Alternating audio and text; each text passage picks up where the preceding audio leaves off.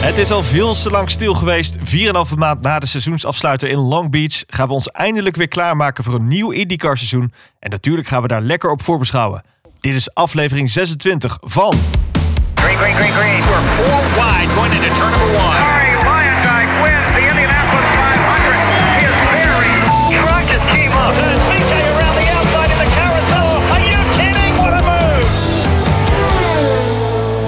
Dit is Green Green Green, de podcast. Met René Hoogterp, Jeroen Demmendaal en Frederik Middelhof. Ja, leuk dat je weer luistert. Na een lange winterstop, in de IndyCar althans, gaan we eind deze maand weer los in de straten van St. Pete voor de aftrap van het seizoen 2022. En natuurlijk ben ik eh, niet alleen om eh, hiervoor te gaan beschouwen, want vanuit Zweden, mijn rots in de branding, IndyCar encyclopedie, Jeroen Demmendaal. Hallo. Hoe is het met jou? Heb je de winter een beetje overleefd? Eh, ja, nou de winter is hier nog steeds, want het is februari en ik zit in Zweden. Dus eh, het- het is nu alweer donker aan het worden. Jij hebt echt een winter. dus. Ja, nou vooral in december we hadden we echt bakken met sneeuw. Eh, en op een gegeven moment werd het ook met, rond kerst was het min 8 of min 9. Maar eh, januari was gewoon grijs en regenachtig. Eh, en voor, tot dusver is dat het eh, hetzelfde voor februari. Dus. En uiteraard aan de andere kant van de lijn zit ook René Hoogterp, Ziggo Sport IndyCar commentator. Dag René. Ja, goeiedag. Eh, wat heb jij nou nog bekeken op YouTube deze winter wat jou deed denken enigszins nog aan autosport? Oef. Ik heb eigenlijk heel, eh, ik heb heel weinig autosport gezien de afgelopen weken. En dat vond ik stiekem eigenlijk ook wel lekker. Ja, nee, maar, ik kan dat ook heel goed niet, eh, niet bekijken. Dus nee hoor. Ik, ja, dan, eh, dan, eh, je gaat nou dan toch maar een beetje Formule E kijken. Heb ik toch een, wat samenvattingen van eh, gedaan. Maar je hebt ook Dakar gehad. Maar ja, iedereen die mij kent, die weet dat ik daar precies helemaal niks mee heb. Dus nee, het was even, was even lekker. Wel natuurlijk de 24 uur van Daytona heb ik wel lekker kunnen bekijken. Dus wat dat betreft, ik heb me wel vermaakt. Maar laten we nu gewoon lekker...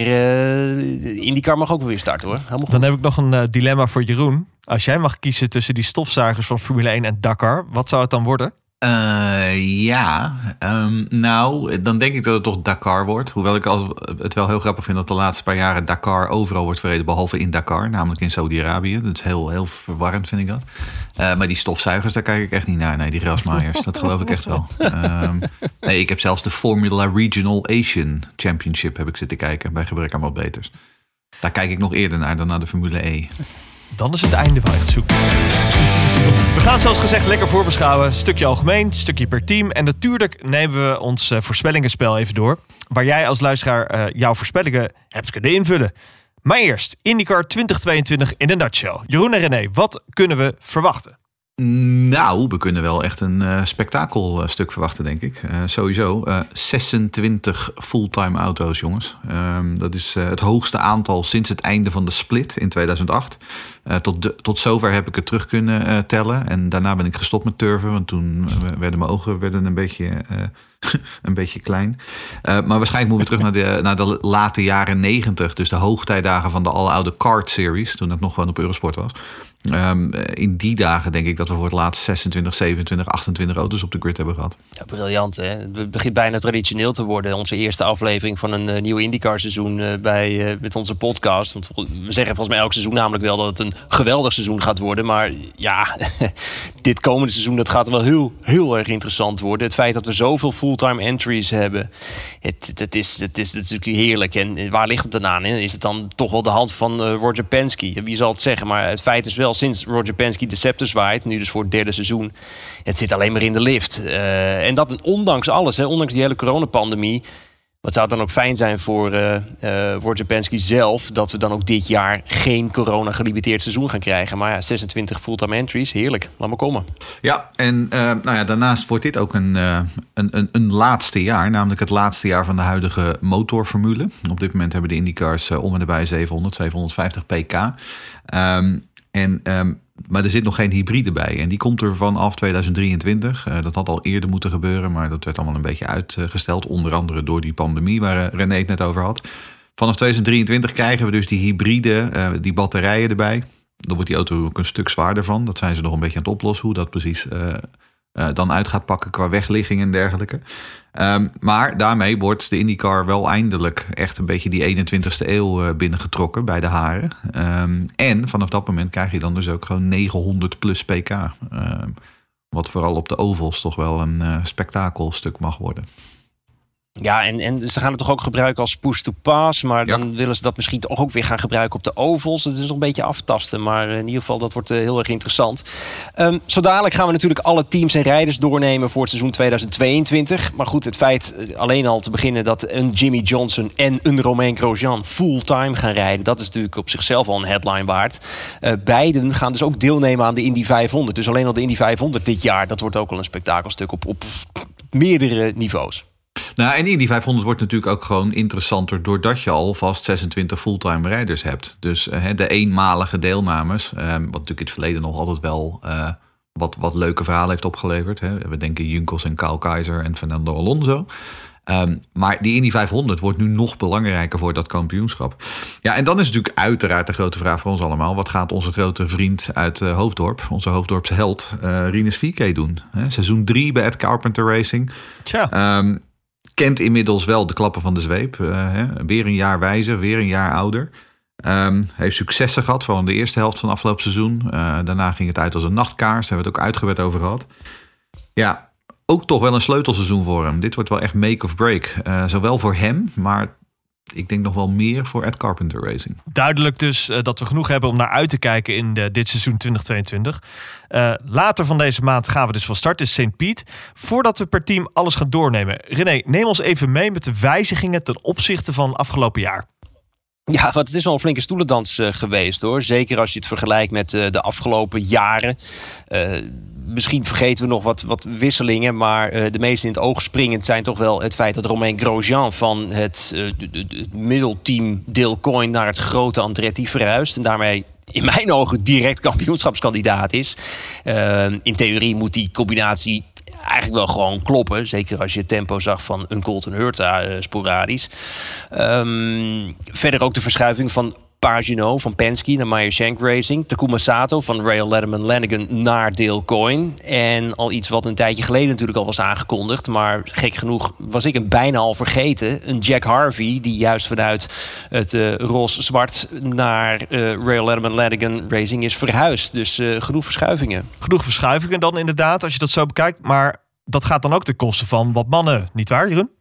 Ja, want uh, we zijn inderdaad uitgebreid wat betreft fulltime entries. Maar er zijn wel heel veel nieuwe jongens bijgekomen. Daar gaan we het straks over hebben.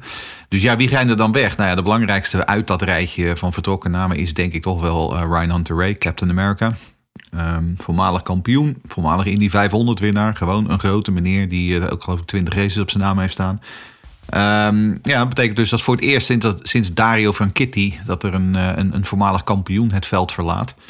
Um, en dan, hè, als we dan kijken naar een andere kampioen nog uit de Champcar jaren, Sebastian Bourdais, die is er ook niet meer bij. Uh, die zat natuurlijk vorig bij Voigt. Um, heeft gezegd, ik wil eigenlijk alleen bij Voigt blijven en anders hoeft het voor mij niet. Nou ja, maar Sebastian Bourdais gaat ook geen uh, geld meenemen, heeft dat geld ook niet. En gaat dus nu uh, nou, in de lange afstandsraces, in, in de sportscars verder. Um, wie er ook niet meer is, uh, in ieder geval niet in de auto, is James Hinchcliffe. Uh, James Hinchcliffe die gaat wel uh, voor de camera staan bij NBC. Um, ik denk dat hij daar echt heel goed in gaat zijn. Houdt hij wel maar, zijn broek aan? Dat, dat, mogen we hopen inderdaad, ja. want anders wordt hij daar misschien ook wel ontslagen. Um, maar ik denk dat James Hinchcliffe echt zo'n mooi voorbeeld is van um, een slachtoffer van het steeds sterker wordende IndyCar-veld. James Hinchcliffe was vijf, zes, zeven jaar geleden was hij één van de jongens die af en toe eens een race kon winnen. Maar in die tijd was hij al redelijk middelmaat, zou ik willen zeggen. En nu, in de laatste paar jaar, kun je gewoon zien dat hij, zelfs bij Andretti vorig jaar, hij kon het gewoon niet meer bolwerken. Hij kon het niet meer. Hij kon het niet meer. Um, dus ja, die is er ook niet meer. En Ed Jones, die is ook weg. Nou ja, hey ho. What's new? Dan de rookies. Jeroen, uh, jij bent daar al erg uh, keen op altijd. Nou ja, als jij, ik denk dat je zo aan de slag zou kunnen als talent scout voor Andretti of zo. Om maar even zo te zeggen. Maar uh, met jouw Road to Indy uh, Watch ervaring. Uh, die rookie class is behoorlijk omvatte spullen volgens mij, toch? Ja, kijk, weet je, vorig jaar hadden we natuurlijk nauwelijks een rookie-klas. Ik bedoel, eh, Romain Grosjean met uh, 200 Formule 1-wedstrijden... en, en, en zevenvoudig uh, NASCAR-kampioen Jimmy Johnson... en, en, en supercar-legende uh, Scott McLaughlin. Waren dat nou echt rookies? Nee, natuurlijk niet, niet in de traditionele zin. Maar als je kijkt naar dit jaar... Ja, we hebben een hele lading, zoals ze dat in Amerika noemen, fresh meat. Ehm, hè, vanuit de Indy Lights, hè, de, de, de, de, de, uh, groeiklasse voor IndyCar, hebben we de kampioen, Cal Kirkwood. Uh, en de nummer 2, David Malukas. Dan hebben we uit de Formule 2 um, Callum Islet en Christian Lundgaard. En dan hebben we ook nog Devlin Di Francesco, de man van 17 miljoen. En uh, de, de late verrassing, uh, de Tatjana Calderon. Dus we hebben voor het eerst sinds lange tijd weer een vrouw in het veld. en ook die heeft natuurlijk Formule 2 en super Formula ervaring. Dus um, dit is ook voor haar een logische volgende stap. Dus ja, um, absoluut een, een hele rijke rookie-klas dit jaar. En nog een vraag binnen over die Road to Indy van Daisy Keizers. Ze vraagt, worden die supportklasses zoals Indy Lights nu via YouTube uitgezonden... of bijvoorbeeld ook via Ziggo Sport? Kun jij er wat meer over zeggen, Jeroen? Nou, over Ziggo weet ik niet zo heel veel. Dat is meer René's afdeling. Um, maar um, Indy Lights, dat is natuurlijk sinds dit jaar... komt het ook weer onder um, uh, de regie van IndyCar zelf. Uh, ik heb op contact gehad met wat mensen bij IndyCar... en het lijkt er inderdaad op dat ze uh, weer op YouTube gaan leunen. Wat ook in het verleden nog wel eens... toen Rinus 4K daar bijvoorbeeld reed... dan kon je dat via YouTube of via Facebook bekijken. Dus dat, dat schijnt toch wel weer de stap te zijn. In ieder geval voor Indy Lights. Voor alle klassen daaronder heb je uh, zoals uh, al, jaren de, de Road to Indy TV. Um, en dat is een speciale website en er is een mobiele app van. En, um, nou ja, daar, en er is ook een YouTube kanaal en daar kun je dan dus al die races volgen. Ja. Ja, ik, ik, dat betekent, um, Jeroen, als het dus weer onder de regie van de IndyCar valt, dat we dan dus ook gewoon weer bemande camera's hebben. En dat soort, uh, ik bedoel, ik heb wel eens in het verleden dat van die opstapklasses gezien, maar dan worden die camera's lekker in een wijdshot neergezet, gaan zij lunchen en dan, uh, dan zie je een, een, race voorbij komen. Heb, het gaat weer echt goed, goed in beeld gebracht ja, Ik heb veel Indy Light races gezien in de afgelopen jaren. Dat viel niet altijd mee. Um, de commentator uh, is, is, is geweldig. Die weet echt heel veel en heeft heel veel enthousiasme, maar het camerawerk laat soms echt heel veel uh, te wensen over. Ik mag hopen inderdaad dat ze nu gewoon echt de, Indy, de IndyCar camera's gaan gebruiken. Waardoor we gewoon echt een goede uh, verslaggeving krijgen. Nou ja, die rookies dus, die moeten dus vanuit die Road to Indy komen. Uh, en het mooie is, er is dus ook gewoon ruimte. Er is de kans om te gaan rijden. Mede dankzij uitbreidingen van de verschillende teams. Rail Letterman Lanigan auto erbij. Bij Voigt een auto erbij. Bij Meyer Shank een tweede fulltime erbij. Er worden dus overal auto's toegevoegd. En uh, hebben we ook nog een Junkos die natuurlijk weer erbij is gekomen. Het feit dat Jimmy Johnson fulltime gaat rijden. Daly gaat fulltime rijden voor Ed Carpenter Racing.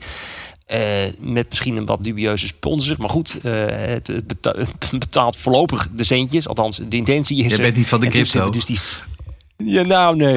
nee en dus hebben we in totaal 26 fulltime auto's. Dat wordt, uh, dat wordt krap, dat wordt leuk, dat wordt soms een beetje uithuilen en opnieuw beginnen. veel neutralisaties misschien ook wel. Het wordt, het wordt lekker.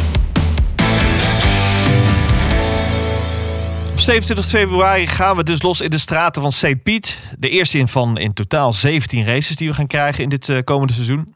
René, je hebt waarschijnlijk al je agenda moeten blokken voor die races. Uh, neem ons dus mee in die racekalender. Wat zijn nu de belangrijkste wijzigingen? Nou ja, het feit dus dat we 27 februari al gaan beginnen met de seizoenstart. Dus ongebruikelijk vroeg eigenlijk voor IndyCar. Uh, principes. Uh, normaliter starten we rond half maart. Het is, ik heb het ook eventjes moeten terugkijken, Jeroen. Maar voor het eerst sinds 2004 dat we dus in februari de seizoenstart hebben. Dus in de straten van St. Petersburg. Normaliter zou je zeggen vaste prik. Maar ja, door die beperkingen van de afgelopen seizoenen beginnen we voor het eerst sinds 2019 dus weer in Florida. Een andere belangrijke wijziging is het feit dat de Duel in Detroit nu gewoon een enkele race is geworden. En dat is ook meteen de laatste keer dat we in het Bell Isle Park rijden. Volgend seizoen gaan we weer terug naar downtown Detroit. En Jeroen, ik kan me voorstellen dat jij daar wel naar uitkijkt. Ja, ja, mooi. Ja, want we hebben natuurlijk sinds 1992 rijden we al op Belle Isle. Um, maar in de jaren daarvoor, um, eerst de Formule 1 in het grootste gedeelte van de jaren 80. Maar daarna ook een aantal jaar de kart series uh, op de mean streets of Detroit. Um, als je er ooit eens geweest bent, het asfalt in downtown Detroit is echt om te huilen zo slecht. Um, dus dat wordt nog wat. Dat wordt lekker stuiteren. Ze- die nieuwe baan waar ze nu dan op gaan rijden, die neemt een deel van dat oude circuit mee. eh, maar is wel wat simpeler en wat minder spannend, als ik heel eerlijk ben. Eh, maar we gaan wel weer rijden rond dat Renaissance Center. En dat is dus die, hè, die markante collectie van wolkenkrabbers waar General Motors een- al sinds jaar en dag zijn, hoofd, eh, zijn hoofdkwartier heeft. Dus ja, lekker in de achtertuin van Chevy. Dat, wordt, dat wordt een feest. En ze wilden er echt een Nashville-achtig spektakel gaan maken met optredens en artiesten en wat heb, weet ik het. Dus ja, dat wordt wel mooi volgend jaar. Ja, dat is allemaal volgend jaar. Dit jaar dus nog een eh, enkele afscheidsrace dan in eh, Belle Isle. En eh, dat allemaal in het eerste weekend van juni. Ruim een maand verder staat een andere stratenbaan op de planning. En laten we dan ook hopen dat we daar daadwerkelijk terecht kunnen. Namelijk in het Canadese Toronto. Want ook daardoor de coronabeperkingen zijn we daar al twee seizoenen niet geweest. Daarnaast is Iowa weer terug. De Bullring Oval, wat dus een doubleheader is geworden. Dankzij die mooie partnership met de supermarktketen Hy-Vee. En Long Beach, ja, vorig jaar was dat natuurlijk nog de seizoensafsluiter. Nu weer terug op zijn traditionele slot. En eh, man, ik weet niet hoe het bij jullie zit. Maar ik vond Long Beach eigenlijk wel heel fijn en lekker als seizoensafsluiter. Ja, vond ik ook. Ehm, ik bedoel, Laguna Seca is voor, voor de, de veteranen onder ons is de traditionele seizoensafsluiter eh, in IndyCar. Maar ja, Long Beach, ook omdat het natuurlijk echt wat kroonjuweel van de kalender is, eh, naast, de, naast de 500. Ja, ik, ik vond het juist wel heel passend. Ehm, en het, eh, ze, ze maakten er ook echt wat van vorig jaar. Eh, de Battle on the Beach en weet ik veel eh, wat, wat ze er allemaal bij NBC voor krachttermen ingooiden. Ehm, ja, dat missen ze nu wel. Dat is wel jammer. Een paar toffe inhaalacties ook wel gezien bij die fontein. Terwijl het wel een krap baantje is. Ja, even door het bloemenperkje heen, ja. wat, wat ook wel mooi iets is, is dat er volgens mij eh, de, de tijden iets naar voren worden gehaald, toch? Ja, dat klopt. Ehm, ze hebben inderdaad de starttijden eh, wat vervroegd voor veel races. eh, waardoor we dus eh, in Europa en ook in Nederland wat vaker aan het, nou ja, aan het begin van de avond zitten. Of in ieder geval wat op een iets christelijker tijdstip dan, dan vroeger. Dat we echt volledig de nacht in moeten gaan. Texas is geen, is geen nachtrace meer. Ehm, ik had het hier tijdens de mediadagen, eh dat was een paar weken terug, ehm, was dat ook zo. eh, had ik het hier met Marcus Eriksson over. En hij vertelde dat hij ook samen met een aantal Europese rijders echt daarop heeft gehamerd bij de IndyCar-organisatie. Van denk nou aan die starttijden, denk ook aan Europa, denk niet alleen aan Amerika. Ehm, en Romain Grosjean die vertelde ook dat de, de kijkcijfers in Frankrijk afgelopen seizoen verdubbeld zijn. Nou, zal dat van een hele lage basis geweest zijn. Maar het laat wel zien dat er een bepaalde groei mogelijk is. En dat hebben we natuurlijk in Nederland gezien. Dat hebben we hier in Zweden ook gezien met, met Eriksson en Rosenquist de laatste jaren. Er zit gewoon nog een hoop potentieel publiek in Europa. En dat, eh, dat lijken ze nu al echt door te hebben. En wat is dat hetgeen waar we met z'n allen het meest naar uitkijken? Nou, op dit moment vooral St. Piet. Eh, gewoon lekker weer beginnen. Ehm, maar verder, ja, de 500. Hè. Altijd, altijd de 500. Nou, ik, ik, ik ben eigenlijk best wel liefhebber van eh, Toronto. Dus ik hoop echt dat we daar weer terecht kunnen. En, eh, en Nashville. Maar dan hoop ik dat het op, het, nou ja, op een ander niveau eh, eh, aantrekkelijk, eh, aantrekkelijk, aantrekkelijk wordt. Dus eh, nee, maar laten we gewoon lekker beginnen, joh. St. Piet, heerlijk. Ook nog wat vragen binnen van bijvoorbeeld ATM Peters over Nashville. Weten jullie of ze Nashville gaan aanpassen zodat de herstart over de Cumberland River plaats heeft? Dit uiteraard om een hashtag kneuzenkermis te voorkomen. Aan jou René. Nou, ik, er is wel over gesproken, maar volgens mij is nog niet officieel duidelijkheid eh, over gegeven. Het lijkt me eh, uiterst verstandig om dat eh, te gaan doen. Ik vind het nog altijd, volgens mij hebben we het eerder over gehad. Ik weet niet of we echt compleet de baan echt de schuld moeten geven van het feit dat er zoveel neutralisaties waren. Volgens mij kun je ook wat dingen voorkomen door wat uitloopzones toch aan te brengen. Of, of de, de, de betonnen muren aan de binnenkant van de bocht, dus op de apex misschien iets te verplaatsen. Zodat je iedere, in ieder geval kunt zien wat er achter de bocht gebeurt. Maar een, een, een quick win is om ook gewoon... hè, de start van de race kon daar. Dus waarom doen we de herstart ook niet gewoon daar? Dus ik, eh, ik denk dat het uiterst verstandig is. Maar officieel is dat volgens mij nog niet eh, bekend. Maar we hebben nog even. Ook nog een vraag binnen van Dennis Broekhart, vriend van de show. De winnende wagen van de Indy 500 gaan gelijk door naar het IMS Museum. Ehm, heeft de IndyCar-organisatie dit afgedwongen met clausule in contracten of iets dergelijks? En krijgt het winnende team een nieuw gratis chassis? Ja, nou, ik heb hier dus naar gekeken. En eh, het grappige is, ik dacht dus ook dat dit een soort van on, eh, nou, ongesproken regel was. Maar dat is dus helemaal niet zo. Het is niet zo dat iedere Indy 500 auto per direct naar het IMS-museum gaat. Ehm, Zowel Penske als Ganassi, dus die grote teams die al jaren meedraaien, die hebben, heel, die hebben hun eigen collecties. Hè. We- We weten van Ganassi, die hebben die muur, zeg maar, waar ze al die auto's hebben hangen. Daar hangen ook een heel aantal Indy 500 winnende auto's tussen. Wat wel heel vaak gebeurt, is dat die auto's eh, gedurende een bepaalde periode in leenbruik worden gegeven aan het IMS.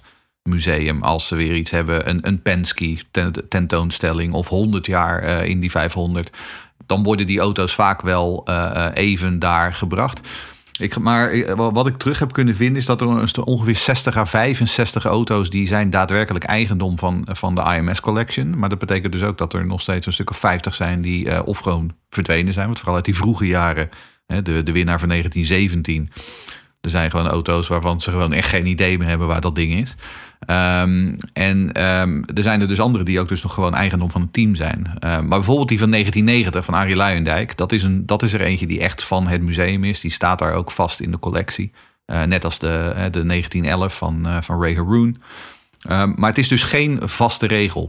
Oké, nou, dus zijn we daar eh, ook weer een stukje wijzer van. Jordi wil dan tot slot nog weten: zijn jullie tevreden met het aantal ovals dat op de kalender staat? Of hadden jullie liever bijvoorbeeld een vervanger gezien voor, let's say, Texas, aangezien inhalen daar onmogelijk is geworden door die NASCAR-strip?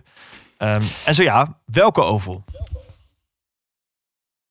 Ja, als ik mag aftrappen. eh, ik, ik, ik was groot liefhebber eh, vroeger eh, van Michigan.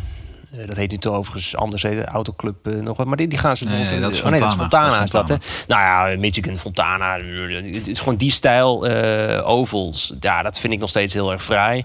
Ja, ik zou natuurlijk heel graag terug willen naar Nazareth. Maar ja, dat kan al even niet meer. Dat wordt dus wel met lastig, woorden, ja, wordt heel lastig, hè? Nee, maar het is om even aan te geven. Ja, ik ben echt wel oval liefhebber. Ik vind het juist, ik vind het heel fijn en ik vind het ook. Eh, nou ja, het feit, uh, Pocono werd een beetje geslachtofferd door Ja, alles en absoluut. nog wat. Ehm, ik, dat, dat soort ovals vind ik toch wel heel erg jammer. Het, het feit dat je eh, eigenlijk alleen maar de Indy 500 hebt als echt, echt super speedway. En dan Texas, die qua snelheid natuurlijk eh, daar heel erg in de buurt komt. Maar niet echt als, als formaat mag mee, eh, meetellen als super speedway. Ja, dat vind ik eh, uiterst matig. Voor mij mogen er wel meer op. Eh Jordi zegt het al, Texas hebben ze gewoon om zeep geholpen. Eh, dat is gewoon een probleem op dit moment. Want Texas is traditioneel natuurlijk wel echt een uitstekende oval. Ehm, ja, Pocono, absoluut. Wat jij zegt, 100% geslachtofferd in een soort van paniekregeling. het probleem is ook natuurlijk dat er weinig, man, weinig mensen op afkwamen. Dat was ook wel een probleem. Maar Pocono was ooit, werd ooit gebouwd voor de IndyCars. Is ook niet een van de weinige ovals die niet eh, speciaal voor stockcars gebouwd is, maar die daadwerkelijk echt voor eh, IndyCars gebouwd is. Is ook meer een triangle dan een oval eigenlijk, toch? Is ook de bijnaam, hè? de Tricky Triangle. En iedere bocht eh, moet ook een van eh, de klassieke eh, banen. de, wat de, de, de turn 1 eh, is geloof ik turn 1 op Indianapolis. Turn 2 was de oude Ontario Oval. Ze hebben, ze hebben echt geprobeerd zeg maar, om een aantal bochten opnieuw te creëren. En daarmee een soort van ultieme oval te bouwen. Ja, ik vond Pocono altijd geweldig. De andere uiteraard Milwaukee. Ehm, Milwaukee, altijd een heel groot fan van geweest. Ehm, ook hier weer veel financiële problemen. Ze konden de, de, de centen niet rondkrijgen, maar... Dat is de oudste oval in Amerika. Of de oudste nog in open of nog in operation zijn de oval in Amerika. Ehm, ze rijden nu nog met wat, eh, wat, wat sprintcars, geloof ik, en wat midget. Ehm, maar dat is, dat is echt historie. Dat ding dat staat er al sinds eh, 19 kruik. Eh, prachtig, prachtige baan. Maar ja, voorlopig, eh, Michael Andretti heeft het de laatste paar jaren, eh, die heeft het nog een paar keer geprobeerd. Eh, dat was de laatste paar edities. Maar die zei van, ik draai er te veel verlies op en die heeft hem dichtgegooid. Ja, en sindsdien is het inderdaad, het is een beetje karig qua ovals. Ja, zoals we eerder al zeiden, een gigantisch startveld dus van maar liefst 26 fulltime rijders. Die staan ingeschreven voor het komende IndyCar seizoen. Ehm, tijd om even die namen en rugnummers door te nemen. Te beginnen met het team wat wederom de kampioen leverde vorig jaar. Het team van Chip Ganassi. Jeroen. Ja, ehm, nou bij de regerend kampioenen, Chip Ganassi, ehm, daar blijft heel veel van het oude. Palou, Dixon, Ericsson, Johnson, dat zijn de vier namen eh, die ook dit jaar daar weer uit gaan komen. Ehm, aan de engineering kant weer flink geïnvesteerd in allerlei nieuwe slimme mensen. Hè? Eh, net zoals eh, Ajax altijd beter is dan RKC, hoewel ze allebei op een veldje met twee doelen en een bal spelen. Dat is bij Ganassi ook zo. Die, die weten gewoon de slimme mensen eh, ehm, en de beste engineers te vinden. Ehm, grootste plus bij Ganassi wat mij betreft is dat eh, Jimmy Johnson alle 17 races rijdt. Eh, dus ook alle ovals eh, en de Big Kahuna, de Indy 500. Ehm Kanaan die krijgt waarschijnlijk een vijfde auto voor die Indy 500. Of sterker nog niet, waarschijnlijk dat krijgt hij. En waarschijnlijk ook voor de andere oval races. Want die had oorspronkelijk ook een twee jaar contract getekend. Ehm, ja, de vraag is natuurlijk, kan Palou twee keer op rij kampioen worden? Ehm, twee keer op rij kampioen worden in eh, de IndyCar is niet makkelijk. Eh, de historie wijst uit dat, dat eh, nou ja, de laatste die het voor elkaar kreeg, dat was Dario van Kitty. Ehm, die deed het trouwens ook meteen drie keer op rij tussen 2009 en 2011. Maar Dario van Kitty is dan ook een kandidaat GOAT, wat mij betreft. Ehm, maar dat Palau weer bij de mesten mee gaat draaien, dat lijkt wel voor de hand te liggen. Eh, hè, en na minder geslaagde eh, experimenten met Ed Jones en, en Felix Rosenquist... lijkt het er toch wel op dat eh, Chip eindelijk een troonopvolger voor Scott Dixon heeft gevonden. Ja, want spreken over die laatste. Wat was er in vredesnaam met hem aan de hand afgelopen jaar?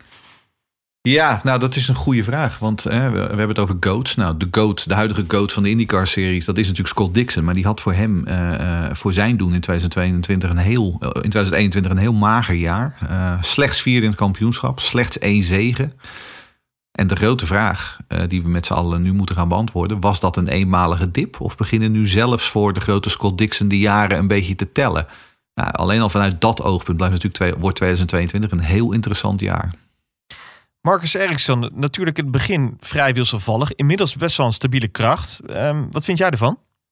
Ja, nou ja, ik, ik noem hem altijd de, diesel, want dat is die. Hij heeft altijd twee, drie jaar nodig om echt op gang te komen in een, in een, in een nieuwe raceklasse. Ehm, eh, dat, hij heeft hij stoot al een aantal jaar een stijgende lijn. 2021 echt een doorbraak, twee keer gewonnen. eh zesde in het kampioenschap. Hij heeft het heel erg naar zijn zin in de VS. eh, is echt zijn nieuwe thuis geworden. En dan is de vraag, kan hij een gooi naar de titel doen? Ehm, of heeft hij nu zijn plafond bereikt? Want is, is Marcus Ericsson uiteindelijk per saldo beter dan Colton Hurta... dan Joseph Newgarden, dan Pato Award? Want dat zijn de mannen die hij nu zou moeten verslaan. Ik, ik weet het niet, ehm, maar hij eh, harkt wel lekker punten binnen voor, uh, voor Ganassi. Dat Jimmy Johnson, jongens. eh, interessant eerste seizoen. Nu dan fulltime. Jeroen? Ja, nou ja, kijk, dat het voor het, het 2021 voor Jimmy Johnson een uitdaging zou worden, dat wisten we allemaal. Hij uh, uh, beter dan wie dan ook. Maar het was bij Vlagen natuurlijk wel gewoon heel erg pijnlijk om een zevenvoudig NASCAR-kampioen uh, zo te zien worstelen. En dan weer een caution. En dan stond hij weer achterstevoren. En dan ja, weer net niet. En nou, hij is nu een jaar verder. Hij is een jaar wijzer. Um, gaat een volledig schema doen. Uh, Carvana die betaalt wel, want die lachen zich echt uh, uh, een kreuk. Want die, hun naamsbekendheid is echt als, een, als een raket de hoogte ingeschoten. Die hebben, die hebben er heel veel baat bij.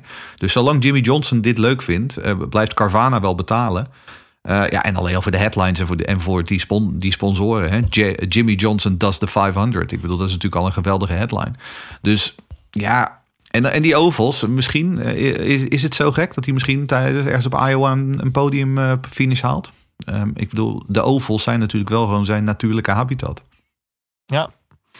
Gaan we naar Andretti met uh, een nieuwe ja, Franse, Franse metgezel daar aan boord.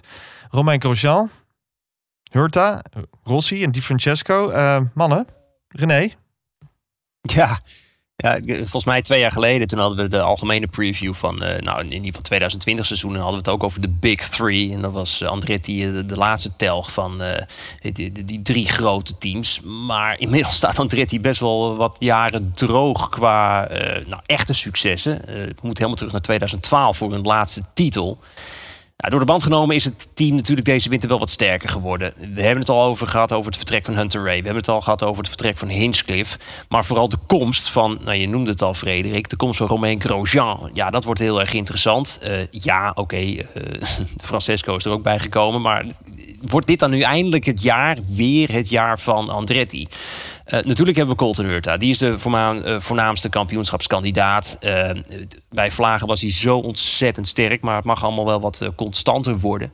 St. Pete, weten we nog, was hij ontzettend sterk. Long Beach natuurlijk, je zou bijna vergeten. Maar hij was echt daar dominant. We keken natuurlijk naar de kampioen. Maar Herta was, Hurta was lekker bezig. En natuurlijk ook in Nashville had hij moeten winnen. Tot die domme, dure fout die hij daar maakte. En op zijn beste dag is hij eigenlijk onverslaanbaar. Dus is het zaak dat Hurta meer van dat soort dagen heeft. En um, zo gewoon een constante factor is in het kampioenschap. Nou, dat is Colton Hurta. Dan hebben we het natuurlijk over Romain Grosjean in de DHL-kleuren. Uh, samen met zijn engineer Olivier Boisson. Boisson, moeten we dat zeggen, toch? Ja, die, die, die, die meeneemt. Um, ja, ik, ik, ben, ik ben echt groot, groot uh, nou ja, nou, liefhebber wil ik niet zeggen, maar ik ben heel erg benieuwd. Ik ben ontzettend benieuwd wat Grosjean nu kan doen. En uh, ik, ik, ik, ik ga nu een beetje vooruitlopen op het voorspellingenspel. Maar ik heb hem wel gewoon ingevuld als kampioen. uh, maar dan moet het wel eventjes gaan lopen bij Andretti. Uh, want nou, we noemden net Hurta. het, is, het, het, het, het vriest of het dooit. Het is, het, als het goed gaat, gaat het goed. Als het niet goed gaat, gaat het vreselijk.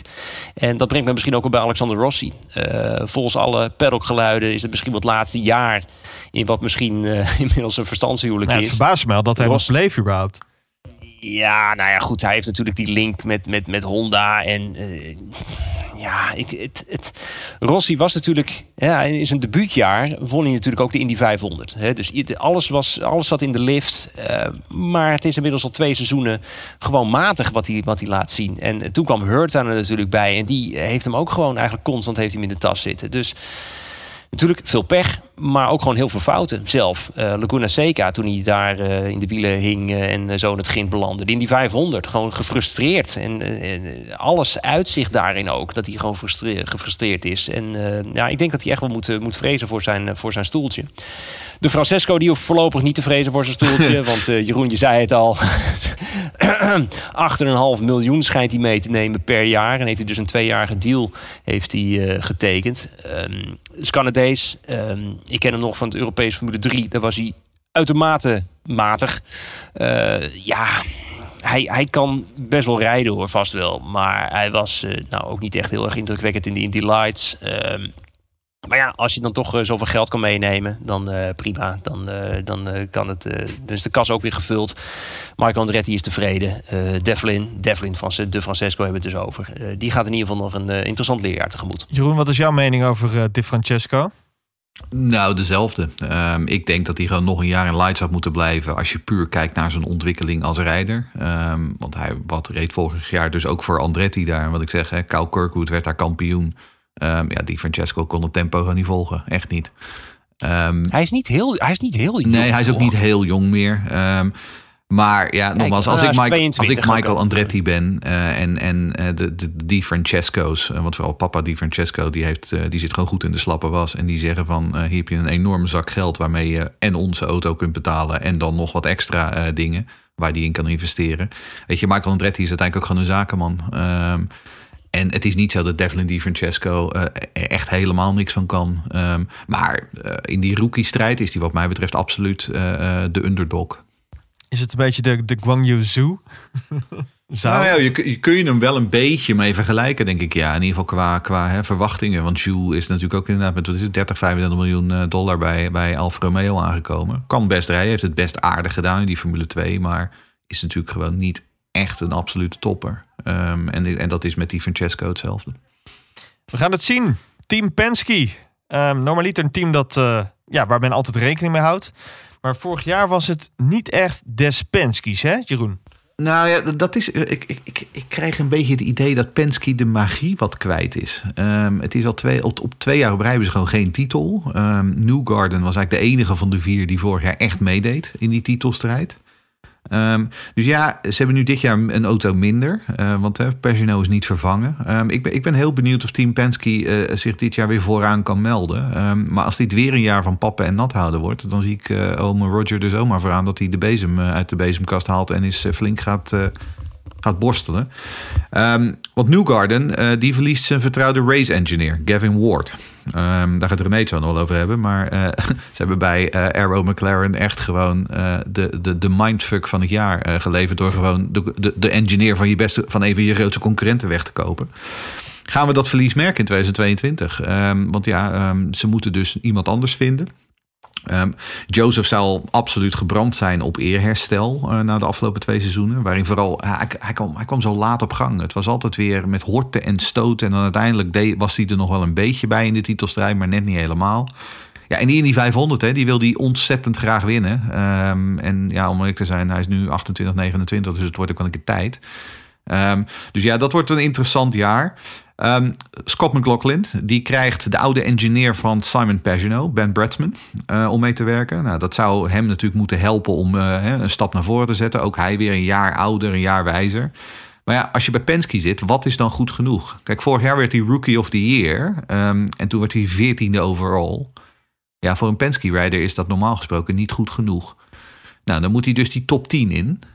Maar dan moet je wel echt gaan groeien. Want als je kijkt wat er verder elders nog bijgekomen is, eh, dat, dat, hij, zal echt, hij zal echt moeten laten zien dat het een blijvertje is. Want als hij dit jaar weer ergens 12e, 13e finish, dan weet ik niet of Roger Penske nog wel eh, ehm, geduld met hem heeft. Uh, en hetzelfde geldt natuurlijk voor Power. Power die werd vorig jaar toen we in St. Piet waren, toen werd er opeens aangekondigd, ja, we hebben zijn contract verlengd voor twee jaar. Dus dat is eind 2023. Um, en vervolgens reed hij zijn slechtste seizoen sinds 2008, waarbij hij die negende overall werd, uh, zonder een overwinning. Ja, dat is niet des Will Powers. Kijk, qua persoonlijkheid wil ik dat Will Power gewoon nog tot zijn 86ste in de IndyCar blijft. Want dat is natuurlijk gewoon een heerlijke vent. Maar je kunt je wel afvragen inmiddels of hij echt nog van het niveau is waar, waar, hè, wat er bij Penske geëist wordt. Dus ja, ook voor hem wordt dat wel een sleuteljaar, denk ik. Dan gaan we naar het team waar we de afgelopen jaren ongelooflijk veel potentie in zagen. En ze zijn uit op meer, nietwaar? Arrow McLaren SP, René. Ja, nou ja, wat Jeroen al zei, bij Penske gaat het allemaal gestaag uh, naar beneden. Bij uh, Aaron McLaren is het precies andersom. Met inderdaad de killer move van de winter. Even doodleuk de chief engineer van een van je grootste concurrenten even wegpikken. Uh, ja, en dan de, het, het, de hele organisatie daarin eh, helemaal heeft uh, omgebouwd. Kijk, natuurlijk, als we het over de Chevy-teams hebben. Penske was altijd het paradepaardje van Chevrolet. Maar ja, in, de, in dit geval kun je je afvragen, hoe lang blijft dat zo? Er gaat natuurlijk ook een derde, eh, een derde auto ingezet worden bij een handvol races in voorbereiding naar drie fulltime auto's in 2023. Nou, dat zijn de, de mannen. Natuurlijk uh, Pato Award, natuurlijk een favoriet voor de titel, wederom. Vorig jaar miste hij het op een haartje. Natuurlijk, eh, als je nu de statistieken erbij haalt, dan denk je, oh, hij werd toch best wel met ruime achterstand, werd hij derde. Ja, maar dat kwam natuurlijk omdat hij in de laatste race gewoon uit de race gebeukt werd. Um, hij heeft natuurlijk, um, hij heeft natuurlijk, hij is altijd kanshebber. En ik had ook begrepen, uh, Jeroen, dat hij uh, flink in de sportschool heeft gezeten. Misschien wel om ook zich voor te bereiden voor die Formule 1-test, wie zal het zeggen. Maar hij is in ieder geval fysiek behoorlijk klaar voor. Ja, Pato wordt flirt openlijk met de Formule 1. Ehm, Jeroen, jij als groot liefhebber van Pato, kunnen we hem de overstap zien maken?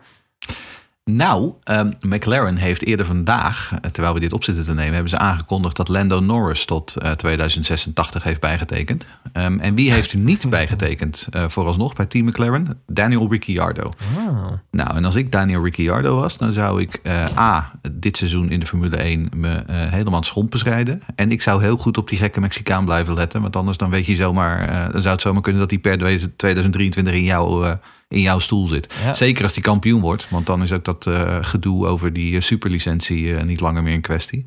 Nou, dat zou zomaar eens kunnen, ja. Ik, het zou me niks verbazen als ze de grote switch-through gaan doen. Zou dat heel erg gek zijn?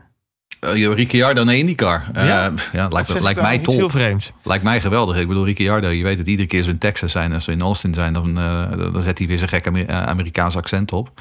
Uh, ik heb het idee dat Ricciardo wel goed zou aarden in Amerika. Ja. Zou misschien best wel eens een beetje uit dat Formule 1 keurslijf kunnen komen. En net zoals Grosjean weer echt dat, ja. ja. gewoon dat nee, absoluut, Spartaanse absoluut. rijders gevoel terugkrijgen. Ja, heel gek. als we nou eens heel erg gek gaan denken. Zetten we tijdens een van die races met die derde auto... laten we Daniel Ricciardo een keertje proeven alvast aan de IndyCars. Mm, ja, maar ik ben niet of Zack Brown dat gaat doen. Nou ja, um, Zack Brown is degene die het uiteindelijk besluit. Dus... Ja, inderdaad. Rozenquist, René. Ja, ja, dit moet nu wel echt gaan gebeuren hoor voor Felix Rozenquist. Want anders is zijn carrière toch echt wel, uh, zijn IndyCar carrière wel, uh, wel over. Um, Craig Hampson, dat wordt zijn vaste engineer. Ja, en als je met Hampson niet kan presteren, dan kun je het met niemand, niemand eigenlijk. maar ja, als je ook kijkt naar wat hij de afgelopen jaren heeft gepresteerd. Hè, werd uh, zesde in zijn rookiejaar. Daarna werd hij elfde. Vorig jaar 21ste. Natuurlijk uh, had hij natuurlijk te maken met die enorme klap toen in uh, Detroit. waardoor hij ook een race niet mee kon doen.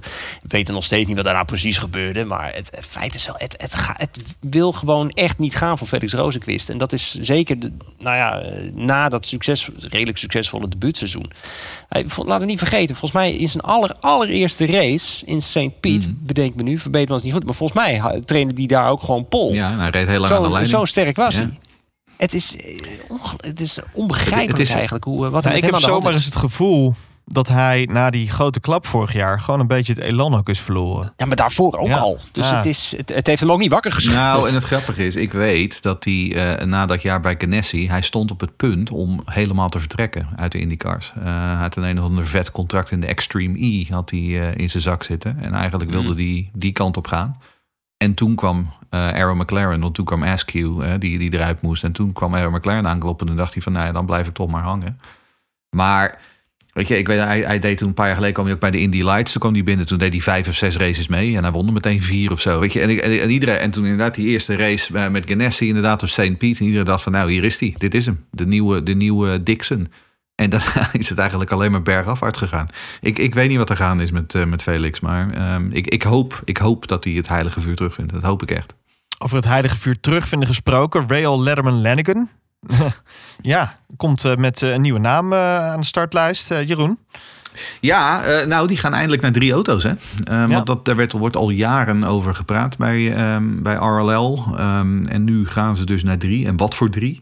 Ehm, ik denk dat dit misschien wel het team is dat tijdens het offseason het meest gegroeid is. Ehm anderen zullen zeggen Maya Shank Racing. Maar goed, ehm, daar mag René zo meteen zijn licht over laten schijnen. Maar ehm, Sato, toch wel redelijk op zijn retour. Die is eh, door RLL ingeruild voor Jack Harvey. En dan hebben ze daarnaast ook nog eh, Danish Dynamite ehm, eh, Christian Lundgaard uit de Formule 2 erbij gehaald. En dit voorjaar gaan ze hun enorme nieuwe hoofdkwartier openen. Ehm, dat hebben ze ook een, een nieuwe shop gebouwd en zo. Dus er wordt ook flink geïnvesteerd. Nieuwe sponsoren erbij. Eh, wie er wel nog steeds is natuurlijk is gewoon Graham Rahal. Eh Graham Rahal die is altijd gebrand eh, op meer succes. Vorig was hij zevende algemeen. Maar wie zich nog herinnert, een hele dure fout tijdens de Indy 500... waar hij gewoon vooraan in de kopgroep mee reed. En toen werd hij uiteindelijk 33ste. eh, omdat hij achterstevoren in de muur eindigde.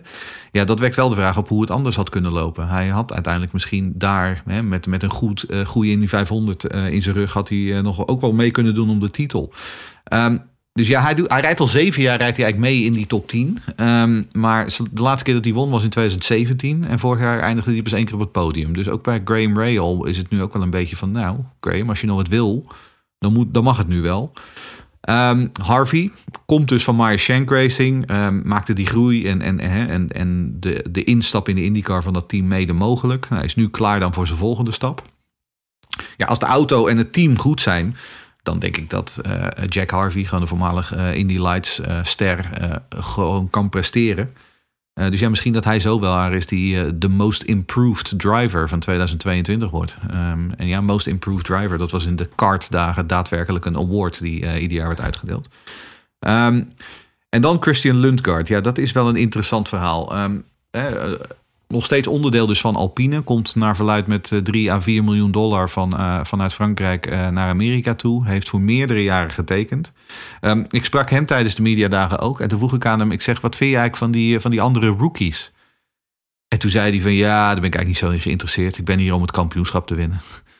En toen dacht ik, nou, dat is wel een ambitieus mannetje. Eh, en eh, ja, je kunt je afvragen, hoogmoed voor de val? Misschien. Eh, maar ik denk wel, ook afgaand op die enorm goede race die hij vorig jaar op Indianapolis op de roadcourse reed.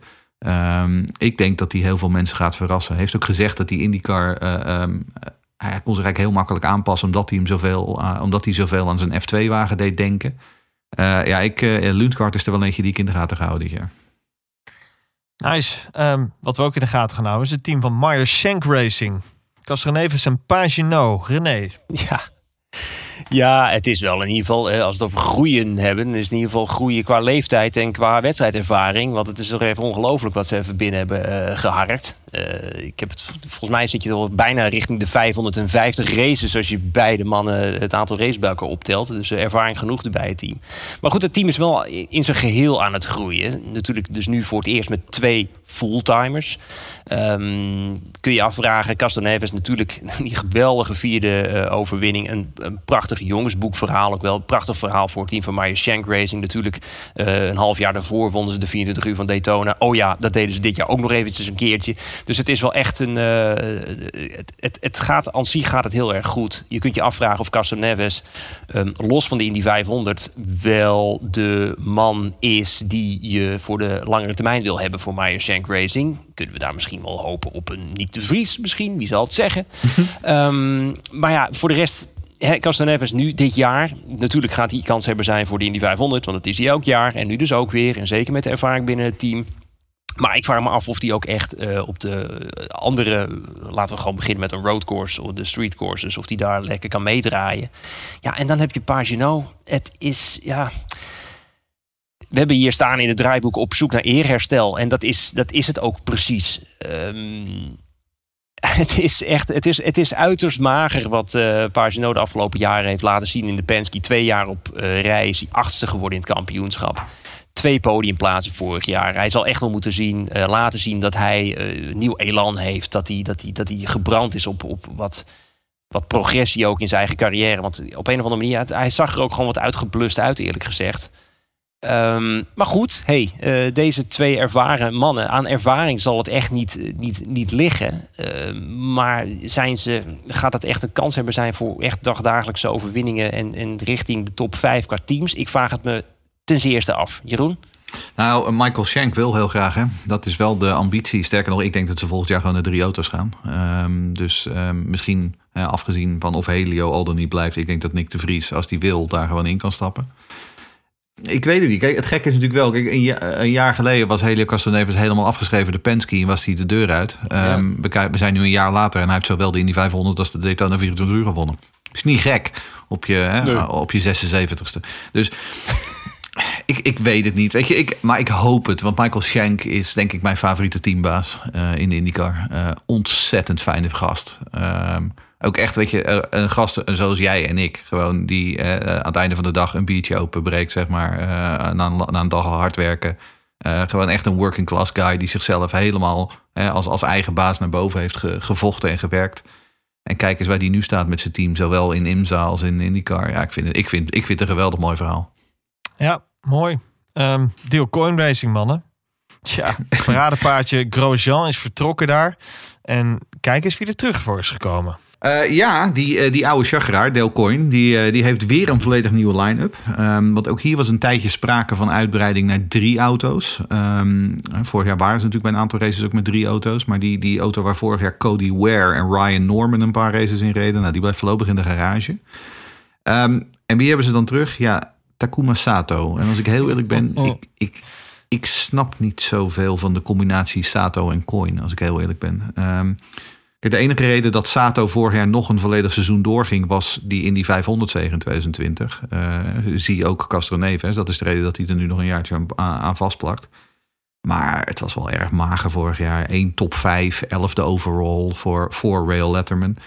Uh, er zal ongetwijfeld weer wat Japans geld achter zitten. Hij is in Japan nog steeds wereldberoemd uh, en heel populair. Um, dus daar zal vast weer, en misschien nog wel in, in relatie nog met meneer Go, die destijds ook Alex Palou naar Delcoin Racing bracht. Maar sportief gezien, ik snap het niet zo goed. Wat ik wel heel goed snap, is de andere auto. Want um, dat is een deal tussen Delcoin HMD Motorsports uit de Indy Lights en David Malukas. En wie is David Malukas? Nou, die werd vorig jaar tweede achter Kyle Kirkwood. Um, en ja, David Malukas heeft een hele grote familiefirma achter zich. Zijn papa, die heeft, uh, papa Henry, die heeft een hele grote trucking firm met, uh, met allemaal uh, trucks, zoals we die op dit moment in Canada kennen. Um, maar dit is geen nieuwe Dalton Kellett, verre van. Um, hij reed heel goed in Lights, is pas 20 jaar en ontzettend een ontzettend geweldige gozer ook. Ontzettend vriendelijk, erg grappig in de omgang ook. Um, er zijn, hij, heeft, hij heeft heel veel podcasts gedaan de afgelopen paar maanden. Ik zou er een paar opzoeken op YouTube. Uh, je lacht je te pletter. degene met Marshall Pruitt is echt, die is echt heel erg grappig. Ik, ik lachte de tranen uit mijn broek. Um, dus als je nog op zoek bent naar een nieuwe fan-favorite naast Rines komend seizoen, um, stem op David Malukas. Ja, spreken over Rines kunnen we het dan ook alleen maar hebben over Ed Carpenter Racing. Uh, want ja, wat kunnen we verwachten van Ed Carpenter Racing dit jaar? Ja, wat kunnen we verwachten? Uh, het was een, een, een, een rommelige winter misschien wel. Vrij laat werd dan toch bekend dat uh, Dale Coyne uh, Dale Coyne, maar Connor, Connor Daly, Daly, excuus. Connor Daly, onze grote vriend, dat die uh, ook fulltime gaat rijden. En dus heeft Ed Carpenter Racing uh, voor het eerst in het jaren weer twee fulltime rijders. En Ed zelf gaat dan een handvol races rijden natuurlijk op de ovals. En dat is natuurlijk goed nieuws voor het complete team. En goed nieuws voor Connor Daly, waarbij uh, ja, het eerste niet echt naar uitzag dat, dat, uh, dat er nog een stoeltje voor hem was. Maar goed, ja, hoe gaat eh, het team zich verder ontwikkelen? Natuurlijk weinig investeringen in groei. Verlies van Air Force als, als sponsor. Ehm, dan is ook nog eventjes de performance engineer van eh Rinus VK is vertrokken. En dat terwijl dus de andere teams, Voigt, Meyer Shank Racing, Rail Letterman Lanigan, we hebben ze allemaal genoemd, die hebben wel echt allemaal kunnen uitbreiden. Zowel qua auto's, nou, Ed Carpenter dan ook, maar ook qua eh, technische faciliteiten. Dus eh, ik, ben, ik, mm, ik ben heel erg benieuwd hoe dat zich gaat eh, ontvouwen. Jeroen, jij hebt Rinus gesproken in de- met de mediadagen. Ehm, ja, wat, wat, wat kreeg jij daar te horen? Nou, Rinus die vertelde me dat hij de afgelopen eh, winter heel veel tijd heeft doorgebracht met zijn, met zijn hoofdengineer. Eh, dus niet die performance engineer die nu naar Rail gaat, maar met, eh, met Matt Barnes. Ehm, en ja, hij zegt, wij begrijpen elkaar nu veel beter. Ehm, hij zegt, en de sleutel was eigenlijk dat ze niet eens zo heel, niet eens alleen maar over auto's hebben gesproken en over racing hebben gesproken, maar ook gewoon tijd met elkaar doorbrengen. Gewoon elkaar leren kennen als persoon. Gewoon veel lol gehad hebben samen. Ehm, ja, ik hoop van harte dat het een effect heeft. Rinus zal het wat mij betreft niet liggen. Dat heeft het, eh, daar heb ik altijd eh, mijn vertrouwen in gehad. Ehm, hij was, in, in Daytona was hij echt on fire. Ehm, dus ja, hij lijkt wat mij betreft klaar om te knallen. Maar hij zit ook net als heel veel anderen in een contract year. Wat betekent dus dat in principe aan het einde van het jaar zijn contract afloopt met ECR. Ehm, dus ja, als hij nu presteert, wie weet wat er dan eh, in- de zomer allemaal eh, eh, mogelijk is. Ehm, want zo is het ook. Ehm, en dat heb ik al eens eerder gezegd. En daar blijf ik vinden. Ik denk dat Rinus in 2023 een stap naar een groter team moet maken. Daar is hij klaar voor. En ik vind Ed Carpenter een hele vriendelijke vent. En die heeft heel veel geïnvesteerd in Rinus' carrière. Maar hij investeert verder niet zo gek veel in de rest van het team. En ik denk dat Rinus door moet. Ehm, René, die deal met Connor Daly. ehm tja, een beetje dubieus. Of wat zit daarachter? Nou, ik, nou, dat weet volgens mij niemand echt wat er precies achter zit. Eh Daly heeft opeens een deal voor meerdere jaren ook afgesloten. Dankzij de zoveelste bitcoin-boer die de sport instapt. Natuurlijk, eh, Ed Carpenter deed dat voor seizoen natuurlijk al tijdens de Indy 500. Ja, en hoe lang het avontuur dan gaat duren, dat moeten we nog eventjes afwachten. Er gaan namelijk al wat geruchten dat Bitlime, want daar hebben we het nu over... dat het niet echt de meest betrouwbare partij is... voor eh, wat betreft op tijd betalen. Maar goed, hey, eh, Bitlime, als dat daadwerkelijk voor de komende jaren de rekeningen betaalt... en Connor zich daardoor ook gewoon eh, zich op het rijden kan richten. Wie weet. Eh, kijk, vooral wat belangrijk is... en dan gaan we toch even over Rinus hebben... en, natuurlijk het team-wise algemeen... Rinus heeft ook gewoon een teamgenoot nodig die, die hem scherp houdt. En dat, dat hij daardoor zichzelf dan ook kan ontwikkelen. Vorig jaar is het meer dan eens voorgekomen dat hij eigenlijk eh, geen. Ja, dat, dat, dat eigenlijk Connor vaak achter de feiten aanliep. En dat Rinus eigenlijk daar geen directe interne eh, concurrentiestrijd had. Dus dat, eh, ja, dat, dat, dat moet beter kunnen. En ik hoop, en ik hoop van ganse harte dat het ook bij deze zo zal zijn. Nou, goed om te weten dat ik in elk geval niet met mijn portefeuille Cardano en VJ naar Bitline eh, moet gaan. Maar eh, dat terzijde. Laten we hopen dat hij in elk geval eh, een stuk sneller is dit jaar. Een vraag van Tom Plaum. Dit seizoen heeft Rinus een fulltime teamgenoot met Connor Daly bij ECR. In tegenstelling dus tot vorig jaar. Ehm, zal het nou veel verschil maken voor hem? Of maakt dat juist niet zo heel veel uit? Nou ja, wat- wat, om aan te vullen op wat, wat René net al zei. Kijk, als, als Connor hè, wat, wat beter in een swoon komt. Wat hij, om eerlijk te zijn, tegen het einde van vorig seizoen beter deed. Eh, in die laatste paar races deed hij het beter. Zat hij er dichter op. Was hij af en toe ook gewoon sneller dan, ja. eh, dan Rinus. Ehm, ja, dan is dat wel goed. Want dan heb je namelijk wat aan de data. Dan kun je ook hè, wat taken eh, in de vrije training, in de practice, kun je wat dingen verdelen. Van nou, Connor, als jij nou eens hier naar kijkt. En dan doet Rinus, die focust zich hierop. Eh, en daarna dan leggen we onze aantekeningen naast elkaar en dan gaan we kijken wat het beste werkt. Wat natuurlijk vorig jaar vaak het probleem was, was dat Rinus per definitie gewoon een halve seconde sneller was dan, dan Connor. Ja, dan wordt die data van Connor, die is dan gewoon useless. Ehm, en dat is in die zin zou het een voordeel kunnen zijn. Aan de andere kant, eh Rinus is ook iemand, eh, weet je, al heeft hij geen teamgenoot, ja, die gaat gewoon zijn gang en die weet wat hij moet doen en die weet wat hij wil en die stamt gewoon iedere ronde. Dus het is ook geen cruciaal ding, denk ik, maar het zou een voordeel kunnen zijn. Je noemde al in Daytona dat hij zo sterk was. Hij was, als we de statistieken mogen geloven, was hij ook de allersnelste LMP2-rijder van iedereen. Ja, dat is ongelooflijk. Hij was heel erg sterk. Dus eh aan Rinus zal het niet liggen. Dan gaan we naar het team van AJ Foyt Racing met uh, Kyle Kirkwood, Dalton Kellett. En uh, uit de Hoge Hoed kwam daar die uh, Zwitserse Calderon. Nee, niet Zwitsers, Mexicaans is ze. Nou, ze zullen er zelfs Colombiaans Oh, van maken. Colombiaans. Maakt allemaal niet uit. Eh, maar inderdaad, ze, komt, ze is in ieder geval Spaanstalig. Ja, ik durfde er eigenlijk al niet meer op te hopen. Ehm, er ging ergens eind, eh, ergens halverwege vorig jaar. Toen waren we in Mid-Ohio. En toen kwam er opeens na Mid-Ohio. Toen was er, hey, Tatjana Calderon die heeft een testrit gedaan met AJ Ford Racing op Mid-Ohio. Nou, dat is mooi. En toen dachten we van, nou, zou die misschien dan volgend jaar komen? Nou, dat, dat verhaal dat stierf een beetje weg. Dus ik, ik, eh, ik, ik durfde er, wat ik zeg, ik durfde er niet meer op te hopen. Maar opeens was ze daar dus toch. De derde fulltime AJ Foyt Racing entry. ehm, met Senora Calderon. Ehm, en het belangrijkste daaraan is dat Rokit aanblijft als sponsor. ehm, en financiert twee wagens. eh, waardoor ook eh, Dalton Kellett met zijn K-line niet alles hoeft te betalen. Dus ook gewoon voor de financiële eh, eh, zekerheid van AJ Ford Racing is dit heel belangrijk. Dat, dat Rokit er nog steeds is. Ehm, de grote vraag is wel waar, trouwens waar ze al dat extra personeel vandaan gaan halen. Want dat, dat weet ik nog niet helemaal. Volgens mij zijn ze nog steeds aan het zoeken naar een, eh, naar een engineer die die derde auto kan, kan gaan doen. Hoe dan ook, ehm, de grote ster natuurlijk bij AJ Ford Racing is Kyle Kirkwood. Uh, Kyle Kirkwood die is superheld van beroep. Die won alles wat los en vast zat in de lagere klasse. Ehm, vijf kampioenschappen in vier seizoenen. Ik geef het je te doen. Ehm, wie wil weten wat hij echt kan als hij hier echt gewoon lekker in zijn hum zit... eh, moet je voor gein op YouTube even de tweede lights race van Laguna Seca van vorig jaar terug eh, eh, kijken. Toen reed hij het hele veld op een halve minuut. In allemaal dezelfde auto's. Ehm, Rob Howden, eh, de grote expert van de Road to Indy, die noemde hem ooit VK Award en Hurta in één. Ehm, ja, en het is ook gewoon een fijn joch. Ehm, ik denk wel dat het een tijdelijk huwelijk is. Want ik eet echt mijn Zweedse vlag op als Kirkwood in 2023 nog steeds voor Ford rijdt. Ik denk dat hij op weg is naar die stoel van eh, Alexander Rossi, waar we het eerder over hadden. Ehm, want ja, Andretti wilde hem natuurlijk helemaal niet kwijt. Maar had even geen plek voor hem. Omdat eh, Devlin kwam met zijn eh, 17 miljoen. Dus nou ja, dan moet er even geschoven worden. Maar eh, Kirkwood is er, eh, is er eentje die we gewoon in de gaten moeten houden. Heeft ook als voordeel dat eh, als het tegen zit. Dan zal iedereen zeggen van ja, maar je zit bij Ford Racing. Ehm, en als hij het goed doet, dan eh, is het allemaal aan hem. Dus hij kan eigenlijk niet verliezen. Ehm, Dalton Kellett is er weer bij. Voor, ook voor hem jaar drie. Eh, nou, we weten allemaal, Dalton Kellett gaat nooit kampioen worden. Eh, dat is hij nog nooit ergens geworden. Eh, gaat waarschijnlijk ook nooit een race winnen. Gaat waarschijnlijk ook nooit het podium halen. Ehm, maar ook hij betaalt naar verluidt een miljoen of acht per jaar. Waardoor AJ Ford Racing niet alleen zijn auto op de baan kan brengen. Maar ook gewoon nog wat extra dingen kan betalen. Ehm, hij heeft het naar zijn zin. rijdt meestal niemand in de weg. Sympathieke jongen. Ik vind het goed. Dalton Kellett.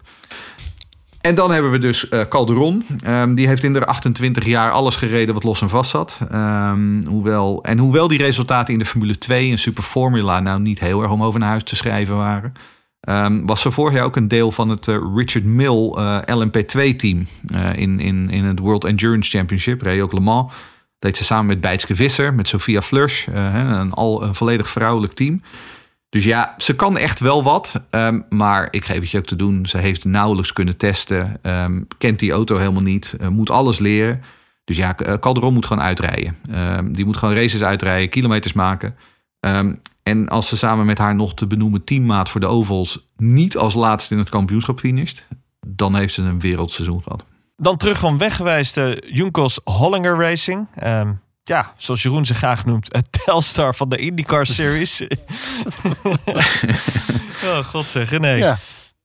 Ja, nou, je kunt het op twee manieren eigenlijk bekijken. hè. Als je, als je het allemaal positief bekijkt, eh, ze zijn er weer. En ook dus nog eens fulltime. Eh Junkos, de favoriete underdog. Ehm, als je het negatief bekijkt, ja, ze hebben geen tweede auto. Eh, ondanks het feit dat ze wel het, eh, het hele gebeuren van Carlin hebben overgenomen. Ja, in de, in de, de, de testsessies en de liveries die we voorbij zagen komen, eh, staat er geen enkele grote corporate sponsor op. Eh, het Indy Lights programma is gecanceld. Kun je afvragen of het allemaal wel heel goed gaat bij het team. En eh, hoe ze dit seizoen dan verder gaan, eh, gaan aanpakken en eh, eventueel gaan afmaken. Maar goed, qua rijder, daar ligt het echt niet aan. Hè. Callum Islet werd ooit tweede in de Formule 2 achter Mick Schumacher. En hij kan echt wel gewoon sturen. Voormalig Red Bull junior ook, toen in het Europees Formule 3. Maar de vraag is in hoeverre die, het team en de infrastructuur... hem in staat stelt om ook daadwerkelijk goed te presteren. Want je hebt dus ook geen teamgenoot. Je hebt geen data om alles mee te vergelijken. Eigenlijk misschien wel hetzelfde wat bijvoorbeeld een Chilton had de afgelopen jaren bij Carlin. Ja, het, er zit gewoon geen progressie dan ook in.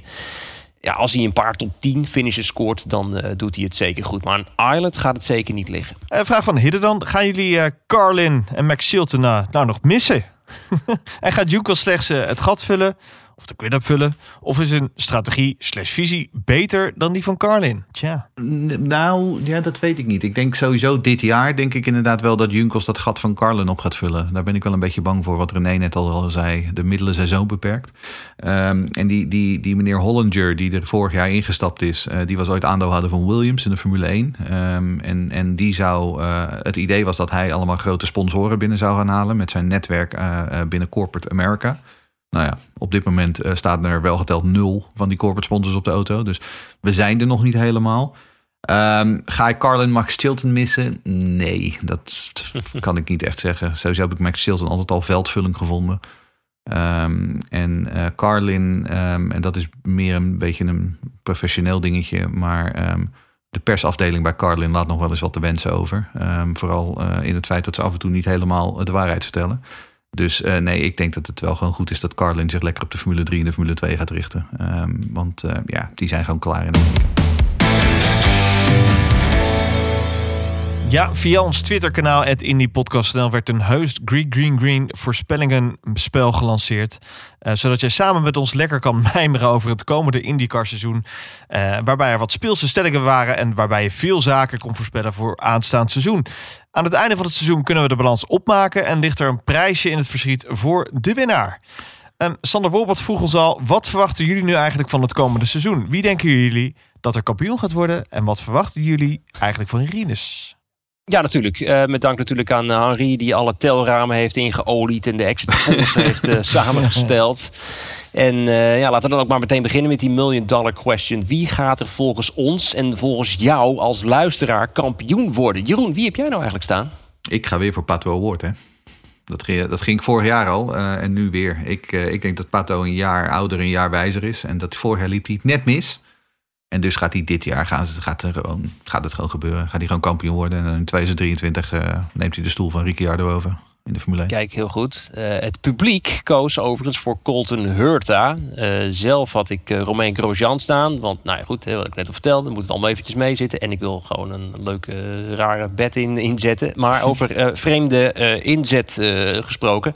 Frederik, wie had jij nou als kampioen staan? Ja, ik had Color Daily. Want ja, als die eh, Bitcoin-devaluaties eh, zo net zo hard gaan als zijn prestaties op de baan, dan eh, denk ik dat hij volgend jaar best wel eens eh, nou, in, in het positieve kan uitschieten. Dus waarom niet kampioen? Nou, waarom niet? Waarom wel ook? Nou. Vooral waarom wel, ja. Zo- Zoals gezegd, het publiek zegt dus Colton Hurta. Maar slechts 1 procentpunt daarachter staat dus Award. Dus eh, 31% om 30% van onze luisteraars. Joseph Newgarden, dat valt mij op. Die volgt op de derde plaats. Maar die krijgt maar slechts 11% van de stemmen. En dan gevolgd door Dixon. Eh, maar goed, we hebben daarnaast ook wat fanatieke luisteraars. Want 4% van de luisteraars geven de Astor Cup aan onze eigen Rinus VK. Eh, dan eh, Jeroen, Rookie of the Year. Eh, wat hebben we zowel op ons filtje staan? Ehm, nou ja, ik geloof dat wij het hier allemaal wel eens zijn over dat dat Christian Lundgaard gaat worden. Eh, daar hadden we het daar straks al over. Ehm, dat is wel een klasbak uit de Formule 2. En die zit gewoon ook bij een goed team. Dat helpt natuurlijk ook. Ehm, misschien dat Callum Islet eh, wel net iets beter is nog dan Lundgaard. Maar Callum Islet die speelt bij Telstar. Ehm, en eh, ja, ons publiek hetzelfde. 44% denkt dat Lundgaard Rookie of the Year wordt. Eh, voor Islet met 26%. Kirkwood met 17%. Malukas met 7%. Die Francesco krijgt ook nog 5% toegekend. Eh, en er is zelfs nog eh, een hele optimistische persoon die denkt dat eh, Tatjana Calderon die rookiebeker wel wint. Ehm, dat zou mij hoogstens verbazen, aangezien ze maar 12 van de 17 races rijdt. Maar ehm, het zou. De wonderen zijn de wereld nog niet een uit. verrassing zijn. Precies. Hè, als Conor Daly kampioen kan worden, kan Tatjana Calderon de Rookie of the Year titel winnen. Zo is het. Wordt een heel interessant jaar hoor alweer. Ja, zo, ja. Daarvan uiterste dan de grootste race van het jaar, de Indy 500. We vroegen jullie als luisteraar eh, wie die race gaat winnen. En daar kwam het volgende uit. Scott Dixon, denk jij, eh, René? Ja, waarom? Eh, waarom niet? Ja, dan, dan, dan je wel waarom. Ja, nee, het is natuurlijk, dit, het is natuurlijk absurd dat een Scott Dixon, eh, een man van zijn statuur, dat hij maar één keer heeft eh, gewonnen. Hij zat er vorig jaar ook overigens dichtbij. Eh was natuurlijk eh, gedoe met die eerste neutralisatie, dat hij brandstof moest besparen en op de laatste damp binnenkwam. Eh, ik, zou, eh, ik denk dat niemand van ons hier een Dixon een overwinning zou misgunnen. Dus uh, nou, vind ik mooi. Ehm, Jeroen, jij ging voor Joseph Newgarden. Moet het dan nu eindelijk maar eens een keer gebeuren? Nou ja, als we het hebben over statuur. Ik bedoel, het is natuurlijk absurd dat Joseph Newgarden nog geen Indy 500 gewonnen heeft. Ehm, ja, ik, Joseph Newgarden is eigenlijk al jaren mijn persoonlijke favoriet. Ook naast, naast Rinus VK uiteraard. Maar ik heb altijd al een zwak gehad voor Joseph Newgarden. Dus ja, ik, en al die jaren van uh, zijn tranen verdrinken in Tennessee whiskey... wordt het nu tijd dat hij gewoon eens melk gaat drinken. Maar jij, ging, jij gaat weer voor je grote vriend Marco Andretti, heb ik begrepen. Ja, zoals jullie weten, de vereeuwiging van zijn, van zijn pole lap... twee jaar geleden inmiddels alweer... die hangt hier nog steeds aan de muur. Ik heb er hoop op. Marco is ook van grillen. Louter als een baksteen achteraan vaak. En, maar waarom nu niet een keer vooraan? Met de Indy. Het kan gebeuren, toch? En wat vinden onze luisteraars ervan? Ja, uh, onze luisteraars hebben wel veel vertrouwen in uh, eh, ECR en onze Rinus. Uh, maar liefst 32% geeft aan dat ze VK wel zien winnen. 32? Ja, dat is aardig, hè? ja. Gevolgd door Scott Dixon en Colton Hurta. viervoudig winnaar Helio Castreneves vinden we pas terug op de negende plaats met 3% van de stemmen. nou ja, ja, ik zou hem toch ook zeker niet uitsluiten. Want het blijft een struiker over die Helio. Die, die gaat er vaak eh, nog wel eh, mee aan de haal. We gaan het allemaal zien eind mei. Nou, en wat betreft Rinus zou ik wel willen zeggen... als er nou één race is waar hij heel veel kans heeft dit jaar... dan is het toch wel degelijk uh, op, op de Brickyard in mei. Absoluut. ik, ik, zou, ik zou ook graag die overwinning van Newgarden inwisselen... voor een overwinning van Rinus 4K, kan ik je vertellen. Daar heeft ook niemand uh, moeite mee, denk ik. Goed, dan het aantal cautions. Vorig jaar hadden we bij geen enkele race een caution-vrije wedstrijd. Uh, de vraag is, hoeveel gaan we er dit seizoen krijgen? Frederik, jij dacht dat ze het allemaal wel rustig aan gingen doen... met 39 neutralisaties in totaal. Ik zei zelf, zelf zei een stuk of 50... Wat min of meer vergelijkbaar is met het afgelopen seizoen. Maar Jeroen, uh, dit mag jij even Was dat een tikfout? Want hoeveel courses had jij dan voorspeld? Ik had er 367 ingevuld. um, en dat is uh, omdat, hè, zoals um, Alfred zegt tegen, um, uh, tegen de Batman... Some men just want to watch the world burn. en ik ben een van die mensen. De Joker. de Joker. Heerlijk. Nou goed, het publiek denkt in ieder geval dat als ze de mediaan pakken van alle ruim 100 ingevulde antwoordformulieren, dat er zo'n 51 neutralisaties gaan krijgen. We zullen zien. Ja, ik hoop het toch niet voor jou, uh, René, voor jouw uh, tijd en jouw agenda. is het niet echt best? Die... 40 in Nashville. Ja, precies. dat zou niet tof zijn. Uh, Jeroen, dat een andere categorie. Ja, de andere categorie die we graag gaan behandelen nu... dat is die vraag hoeveel gaat Rinus 4K er winnen in 2022? Vorig natuurlijk hè, die, die eerste overwinning op de Indianapolis Road Course... Um, nou, we hebben natuurlijk veel meer vragen gesteld in onze voorspellingenspel. Maar al die antwoorden en vooral de afrekening daarvan, dat doen we, dat doen we aan het einde van het seizoen. Um, ja, het publiek was redelijk optimistisch als het gaat om de, eh, de, de winkansen van Rinus. Uh, met twee overwinningen. Um, dat is overigens wat ik zelf ook zeg. Ik denk ook dat hij de twee gaat winnen. Um, en uh, René en Frederik die zeggen ook nu één overwinning. Verklaar ja. je nader. Ja.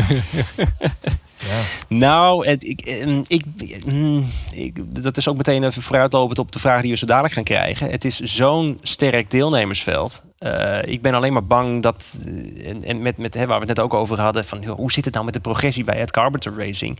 Ben ik gewoon zo bang dat er heel veel mannen nog voor gaan komen. In plaats van dat. Uh, het aan Rinus ligt het niet, hè? Dat het duidelijk zijn. Maar. Um, ik denk dat hij heel blij mag zijn als er één overwinning bij komt. Ja, nou, ik hoop het ook. Uh, inderdaad, het deelnemersveld is erg uh, druk, druk en vol. Dus ik denk niet dat het zozeer een Rinus ligt, maar inderdaad, ik denk dat de anderen gewoon plekken gaan pakken. We gaan het zien. De laatste categorie die we in deze preview gaan behandelen. Op welke positie eindigt VK in het kampioenschap? In 2020 eindigde hij dus als 14e. Vorig jaar eindigde hij als 12e. Stijgende lijn dus. Um, denken wij dat deze wordt doorgetrokken? Jeroen? Um, ja, dat denk ik. Ik denk dat hij 11e wordt. Um, dit was onlangs namelijk al een topic uh, in de podcast van onze grote vriend Marshall Pruitt. En ik heb daar zelf ook wel een hoop over nagedacht deze winter. Want ja, met al die uitbreidingen, al die grote ambities en al die nieuwe sterren aan het firmament, het wordt nu wel heel druk in die top 10. hè, wie gaat er plaats maken?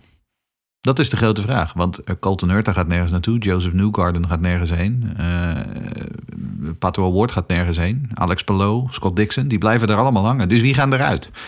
Ehm, ik denk dat het voor Lerines ontzettend lastig wordt om met zijn kleine ECR eh, die top 10 binnen te breken. Eh, ondanks dat hij af en toe wat dagsucces gaat pakken. Ehm, kijk, uh, Willpower die lijkt toch wel een beetje op zijn retour. Um, heeft Marcus Eriksson misschien nu zijn plafond gehaald? Dat zou kunnen. Maar Simon Pagino, gaat hij echt weer achtste worden? Nou, waarschijnlijk niet. Dus, dus er is wel wat ruimte, maar het wordt ook wel heel druk. Want er zijn nog veel meer andere uh, sterren aan het firmament. Uh, bij RLL, bij McLaren, bij Andretti, bij Ganassi, bij Penske. Um, dus ja, ik, ik, ik denk dat hij net buiten die top 10 gaat vallen. Maar dat hij met zijn kleine ECR een hele goede elfde plek gaat behalen. Um, jij hebt, Frederik, jij hebt P7 voorspeld. Ja, wellicht wat ambitieus. Maar ik denk toch wel dat uh, het een make-or-break seizoen voor Rinus gaat worden. Wil hij nog kunnen doorstoten naar een van de top drie teams volgend jaar? Um, wat toch wel, nou, misschien top vier team, maar wat toch wel een beetje zal moeten. En daarvoor zal hij zichzelf in de pitcher moeten rijden. Dus ik ga ervan uit dat dat dit jaar gaat gebeuren en dat hij gewoon een hoge klassering gaat krijgen. Ja, nou ja, hij moet zich sowieso in de picture rijden. Dan maakt het dan eigenlijk ook helemaal niet zoveel uit op welke plek hij eindigt. Uh, dat staat daar misschien wel los van. Uh, ja, ik ben iets pessimistischer. Ik heb plaats 14 heb ik aangegeven. En dan als we ook kijken naar de stand in het kampioenschap van vorig jaar. Ik zie er bijvoorbeeld een, een, een, een McLaughlin, die staat, die staat eronder. Jack Harvey die staat Grosjean. eronder, onder Rins Vique. Uh, Grosjean staat eronder. Ja, dat zijn wel allemaal mannen waarvan ik denk van... Yeah, die, uh, die, die horen uh, volgend jaar, dit jaar dus, met een betere auto onder de kont. die horen daar denk ik dan toch voor te staan. En dan wordt het gewoon echt, wat Jeroen ook al zei... wordt het gewoon ontzettend lastig om in die top 10 te komen. dus daarom heb ik P14 maar neergezet. Hij moet eigenlijk net als um, Colton Hurta destijds met Harding in zijn eerste jaar. Zo'n jaar zou hij moeten hebben. Wat natuurlijk ook een, dat, team dat, dat, dat draaide vooral op, op fumes. Uh, zeker in de tweede helft van het seizoen. Maar uh, Colton Hurta die won er gewoon twee races mee en werd geloof ik zesde of zevende. Um, in zijn eerste jaar. Um, ja, dat is het soort jaar waar hij op moet hopen. Ik ben nog wel benieuwd naar één dingetje. We hadden ook een lijstje met uh, waar of niet waar stellingen. met ook de stelling dat er een ex-Formule 1 coureur dit jaar zijn debuut gaat maken in de IndyCars. Zowel René als ik zelf zeggen van niet, maar het publiek zegt van wel. Maar liefst 64% van de stemmen, uh, en ook jij Jeroen zegt dat ook. Uh, durf je met namen te strooien? Komen we dan toch nou, bij Ricciardo uit? Of? Uh, nou ja, nee, dat denk ik niet. Ik denk wat meer voor de hand ligt. Kijk, we weten dat McLaren met een derde auto gaat komen. dus wie gaat McLaren in die derde auto zetten? Um, nou ja, ze hebben afgelopen winter Stoffel van Doornen getest. Stoffel van Doornen heeft natuurlijk een historie bij McLaren, is reservecoureur bij Mercedes. Als het Formule E seizoen, Formule E seizoen over is, dan is die, zit hij zonder contract. Um, dat zou zomaar kunnen. Dat uh, Stoffel van Doornen degene is die uh, in die derde McLaren een aantal races gaat rijden. Is dus ex-Formule 1 coureur. Um, Hulkenberg heeft gezegd dat hij het niet wil. Uh, heeft er vanaf gezien, maar heeft wel degelijk getest. deed dat best heel aardig. Um, is hij dan degene die misschien zijn debuut gaat maken? Kevin Magnussen heeft natuurlijk technisch gezien al zijn debuut gemaakt vorig jaar in Road America. Ja, daarom. Maar, daarom eigenlijk, maar eigenlijk niet. Oh, gaan we die ook meetellen? Ja, dan, nee, maar, maar, wat ik bedoel, maar wat ik bedoel is, kijk, er zijn, je, ik kan er wel een aantal namen bedenken. Ja, ja, Op een gegeven moment, Alexander Albon wisten we ook van dat hij voordat hij bij Williams tekende, dat hij aan het rondwandelen was in de paddock. Uh, en zo zijn er nog wel een paar uh, jongens die de afgelopen jaren in de Formule 1 hebben gezeten of er in ieder geval aan geroken hebben. Um, die denk ik best op de shortlist kunnen staan daar. Uh, Dale Coyne, hè, Dale Coyne, dat weten we. Die, die heeft altijd, de, de loopt er weer iemand langs met een zak geld. En dan zegt hij, ja hoor, nou dan komt die derde auto weer uit de garage. Want Rick, hij en Rick Ware Racing hebben nog een auto staan. Ja. ja. Komt daar uh, iemand in te zitten uh, die we nog niet gezien hebben. Um, dus ik denk, dat het wel, ik denk dat het wel gaat gebeuren. Ook omdat er juist vanuit hè, Europa nu zoveel interesse is in die IndyCar. Mm -hmm. uh, en een hoop jongens die een beetje op die rand van de Formule 1 aan het balanceren zijn. Die ook gewoon om zich heen aan het kijken zijn. Dus daarom denk ik dat het gaat gebeuren. Maar wie het zou zijn, ja, er zijn meerdere kandidaten. Alles is uh, gedocumenteerd en op band opgeslagen. Uh, aan het einde van het jaar oh, gaan wij uh, terugblikken op onze voorspellingen. Nogmaals, grote dank voor het invullen allen. Ja, wij gaan ons klaarmaken op het nieuwe IndyCar seizoen. 27 februari gaan wij van start.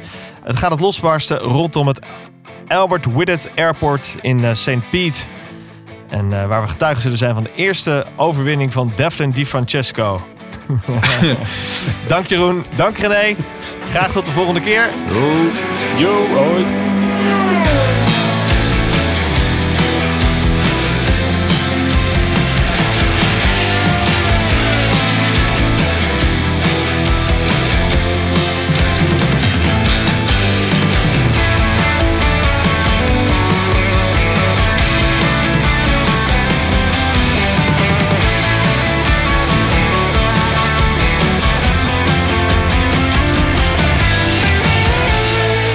Al het laatste IndyCar nieuws van Green Green Green op Twitter via @indypodcastnl en abonneer je op Green Green Green via je favoriete podcastplatform.